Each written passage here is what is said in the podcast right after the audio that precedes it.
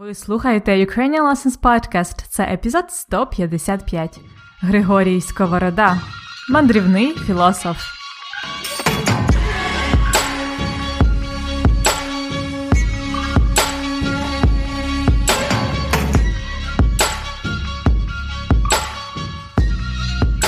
Привіт! Це Анна Огойко і мій подкаст Уроки української або Ukrainian Lessons Podcast. Це четвертий сезон подкасту, у якому я говорю повністю українською мовою, але повільно. Зараз на подкасті триває цикл епізодів про відомих українців і українок. Минулого разу я розповідала вам про Олексу Довбуша, українського Робіна Гуда. Ми його так називаємо. А сьогодні хочу розповісти про українського Сократа, угу. відомого філософа Григорія Сковороду. Його ще називають е, українським Сократом, українським Езопом і першим українським хіпі. Чому так? Сьогодні вам розкажу. Для мене Григорій Сковорода це особлива постать, тому що ми з ним навчалися в одному університеті, хоча в різні роки. Так, Григорій Сковорода навчався в Києво-Могилянській академії, де вчилась і я. Але він вчився там майже 300 років тому. І, на відміну від мене, він так і не закінчив університет. Хоча Григорій Сковорода і став одним з найвидатніших українських філософів. Григорій Сковорода це досить е, особлива людина. Це людина, яка в українській культурі символізує свободу, волю. Наприклад, е, на своїй могилі він заповів написати такі слова: Світ ловив мене та не впіймав. То чому його ловив світ? І чому не впіймав? Постараюсь пояснити вам все сьогодні. То як, готові починати?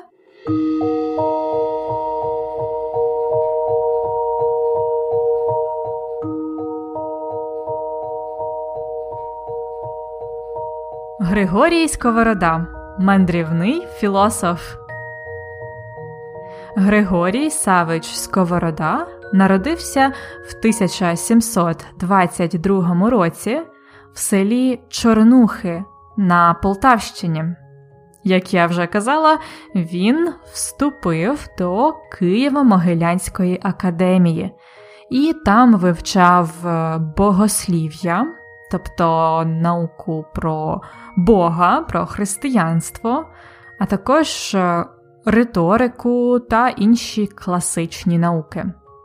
Зокрема, він вивчав е, іноземні мови латину, грецьку мову, церкон... церковнослов'янську, польську мови. В академії були маленькі стипендії, і йому не вистачало на все грошей. Тому Григорій почав підробляти. Він мав гарний голос, тобто вмів гарно співати. Тому він став співаком. Як виявилось, його співи приносили досить непогані доходи.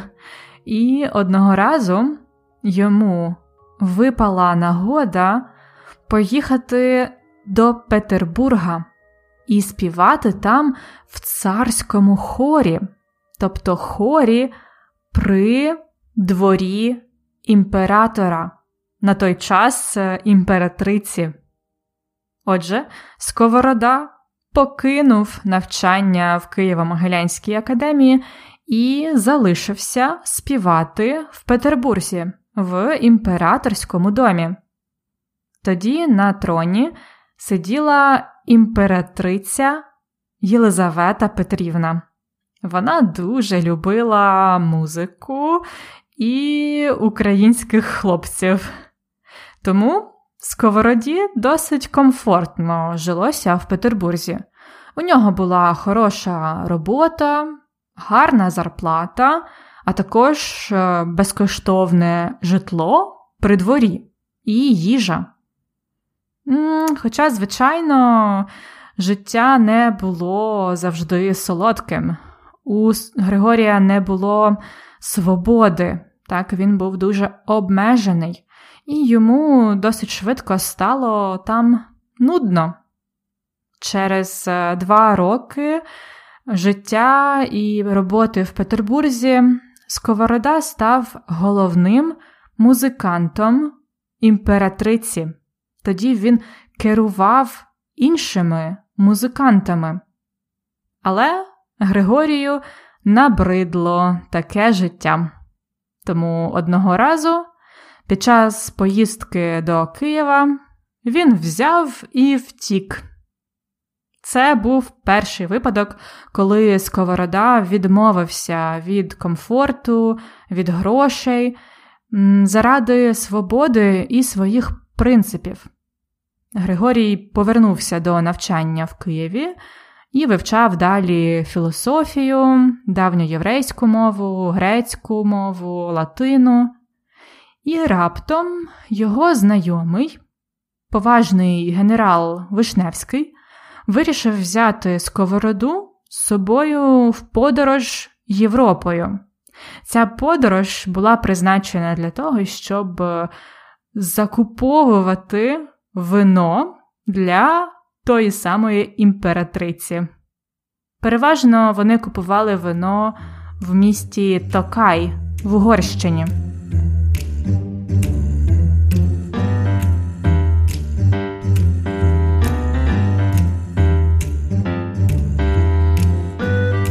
Отже, Григорій Сковорода провів в Європі 5 років. Під час цього періоду він пив хороше вино, спілкувався з європейцями, відкривав для себе, чим живе Європа, і також європейська філософія. Врешті-решт, Сковорода знову повернувся додому до навчання в Києво-Могилянську академію. Можна сказати, що він був вічним студентом, бо так і не закінчив навчання в академії. Сковорода працював то вчителем в школі, то приватним викладачем, але йому все не сиділось на місці. Його звільняли з роботи, або він сам звільнявся, і він починав е, щось нове. Зрештою, Сковорода став таким собі вільним митцем. Він подорожував Україною і писав свої філософські твори. Сковорода також багато перекладав твори відомих філософів і писав свої філософські трактати. А також він писав е, пісні і писав також байки. До речі, Сковорода це один із перших українських байкарів. Байка, знаєте, такий жанр? Це такий невеличкий, алегоричний твір, який розповідає якусь історію. Зазвичай це історія про тварин. Але ця історія має повчальний характер. Вона має якийсь ем, висновок, е, урок для людей. Першим байкарем вважають е, грецького письменника Езопа, а тому сковороду ще називають українським езопом. Угу. Одна з ідей е, сковороди, яку він розкриває в своїй байці бджола та шершень, це ідея про сродну працю. Сродна праця це робота, праця, яка призначена твоєму роду, твоїй крові. Тобто це робота, до якої людина призначена, для якої вона народилась. коли людина виконує сродну працю, їй зовсім не важко це робити, тому що це те, що їй найбільше подобається в житті. Взагалі, ідеї сковороди переважно базуються на тому, що життя простіше, ніж ми думаємо собі. Його ідея в тому, що найпростіше дається нам легко, а те, що дається нам важко, це нам не потрібне взагалі. Сковорода також автор багатьох афоризмів або крилатих виразів. Афоризми чи крилаті вирази це щось таке, як прислів'я, але вони мають автора. Це певні слова, які влучно передають е, якусь розумну ідею. Ось, наприклад, один е, з афоризмів сковороди: Бери вершину і матимеш середину. Бери вершину і матимеш середину. Або Любов виникає з любові. Коли хочу, щоб мене любили, я сам перший люблю. Ось такі афоризми, крилаті вислови сковороди. Загалом основні теми філософії сковороди це любов, свобода, праця до душі і спокій. Насправді, Сковорода до всього ставився спокійно. Йому не потрібні були високі посади, багато грошей. Він не боявся залишитись без нічого. Він навіть не боявся померти. Є ось така легенда про День смерті Сковороди. Коли Григорій відчув, що його смерть е, вже не за горами, він сам власноруч викопав собі могилу, тобто яму, куди його треба було поховати, коли він помре. Того вечора він поводився, як завжди, сміявся, жартував, спілкувався з людьми, пив вино, це йому завжди дуже подобалось робити а потім просто ліг в ліжко і заснув. І так помер. Це легенда, але вона дуже відома в Україні. І на могилі за заповітом Сковороди написали такі слова: Світ ловив мене та не впіймав. Йдеться про те, що Сковорода мав багато зв'язків, багато впливових друзів, багато можливостей. Він міг жити в достатку при імператорському дворі, але цей світ не впіймав його, не зловив, адже Сковорода зміг зберегти свою свободу. Він залишився вільним.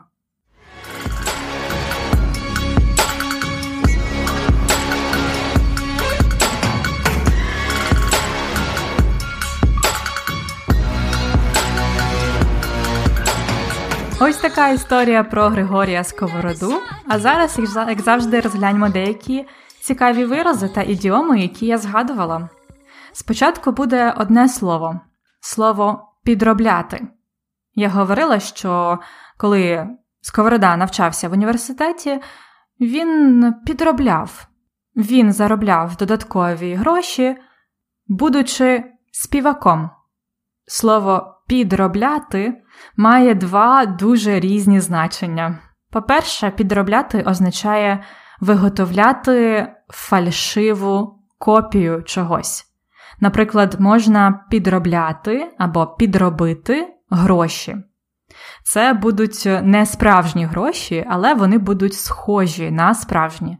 Це підроблені гроші або підробка.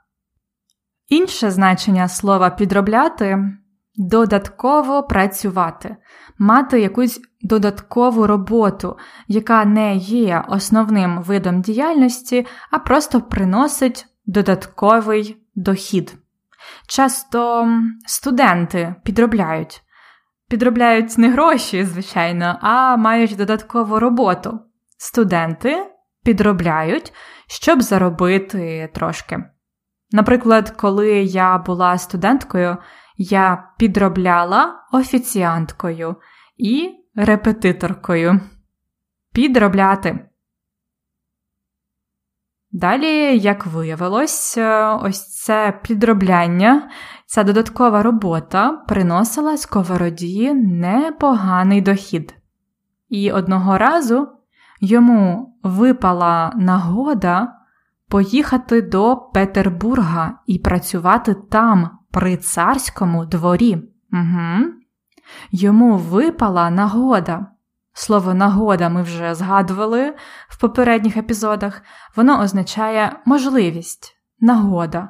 Випала нагода або випала можливість це коли несподівано з'явилась цікава, хороша можливість. Наприклад, у 2017 році мені випала нагода викладати українську мову в Пенсильванському університеті. Випала нагода мені давальний відмінок. Але, врешті-решт, Сковороді набридло його нудне життя в імператорському дворі, і одного разу він взяв і втік взяти і зробити щось. Це така чуть дуже гарна розмовна фраза, яку ми вживаємо, коли хтось зробив щось несподіване, щось зухвале і неочікуване. Наприклад, я говорила з ним по телефону, а він взяв і поклав слухавку. Жах. Або я хотіла тримати це в таємниці, але взяла і розказала подрузі. Ой, це сталося несподівано взяти і зробити щось. Пізніше Сковорода працював вчителем, викладачем, але йому все не сиділось на місці. Не сидітись на місці. Це ще одна гарна ідіома про людину, яка не може залишатися в одному місці. Цій людині хочеться рухатись, хочеться подорожувати, хочеться змінювати місце проживання. Їй просто не сидиться на місці. І важливо, що ми вживаємо тут дієслово сидіти з ся. Сидітися. Мені не сидиться на місці, йому не сидиться на місці. Це також давальний відмінок. Кілька років тому моя мама часто мене питала: Ну чому тобі не сидиться на місці? Тому що в ті часи я весь час подорожувала. Але зараз я сиджу на місці, бо карантин не сидиться на місці. Григорій Сковорода автор багатьох афоризмів і крилатих виразів, крилаті вирази або по-іншому афоризми, крилаті вирази, крилаті вислови це вислови, які мають крила. Так, Насправді це певні слова, які написав якийсь розумний автор, і які ми досі повторюємо багато крилатих виразів походять з античної культури, також е, з літератури і з філософії. Наприклад, е, ось такий крилатий вираз Декарта Когіто ерго сум. Я мислю, отже, я існую. Це крилатий вираз або крилатий вислів. І на сам кінець, коли Сковорода відчув, що смерть вже не за горами, він сам викопав собі могилу. Ось така легенда. Не за горами. Це означає дуже близько. Не далеко десь за горами, а близько, ось тут. Близько або скоро. Зараз триває карантин. Зараз пандемія коронавірусу. Але сподіваємось, що вакцина від вірусу вже не за горами. Правда? Не за горами.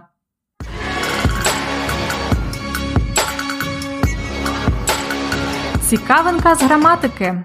Послухайте ще раз слова, які Сковорода заповів написати у себе на могилі. Це світ ловив мене та не спіймав. Що означає слово та? Це і або але. Світ ловив мене та не впіймав. Тут та означає але. І ми можемо знати це, тому що перед та в цьому реченні стоїть кома. А також тому, що це речення має протиставлення. Світ ловив мене, але не впіймав. Ось це маленьке слово та має багато значень, і також навіть може бути різними частинами мови. Наприклад, та може бути займенником це жіночий рід від слова той. Наприклад, не та книжка, а ця. Далі та може бути сполучником, тобто сполучати частини речення і словосполученням. І тут та може означати і, наприклад, книжка та зошит, Аня та Коля. І тут перед та немає коми. Книжка та зошит. А якщо та означає але, то тут якраз ставимо кому. Наприклад, світ ловив мене, кома, та не впіймав. Або ще приклад, я люблю готувати, та не люблю прибирати на кухні. Тут ставимо кому, тому що тут є протиставлення, що я люблю робити і що не люблю. Я люблю прибирати, та не люблю прибирати на кухні. Та тут означає але. Можемо замінити. Я люблю готувати, але не люблю прибирати. Це правда. Отже, якщо та означає але, треба поставити перед ним кому. І тоді це речення протиставне. І ще, до речі, слово та може бути часткою, тобто таким додатковим словом, яке фактично нічого не означає, тільки передає додатковий емоційний стан, якусь емоцію. Наприклад, та що ти за людина? Або Та коли нарешті ти вже будеш готова? Тут е, ось це та можна замінити на ну. Ну, що ти за людина? Е, є ще такий вислів та де там? Та де там. Дуже важко його перекласти, але він означає категоричне ні. Наприклад, ви більше не будете слухати цей подкаст? Та де там? Звичайно, буду. І на цьому все сьогодні. Сподіваюсь, ви дізнались для себе щось нове, чи, можливо, зацікавились е, філософією Григорія Сковороди. Наступного разу я розповім вам ще про одну відому людину, про яку знають всі без винятку українці. Як ви думаєте, хто це буде? Хтось дуже-дуже відомий. Не забудьте підписатися на цей подкаст в своїй улюбленій програмі для подкастів, щоб не пропустити новий епізод. А додаткові матеріали до цього уроку епізоду це конспекти уроків з транскриптами і вправами, а також картки з ідіомами. Ці матеріали доступні для тих, хто оформив преміум підписку.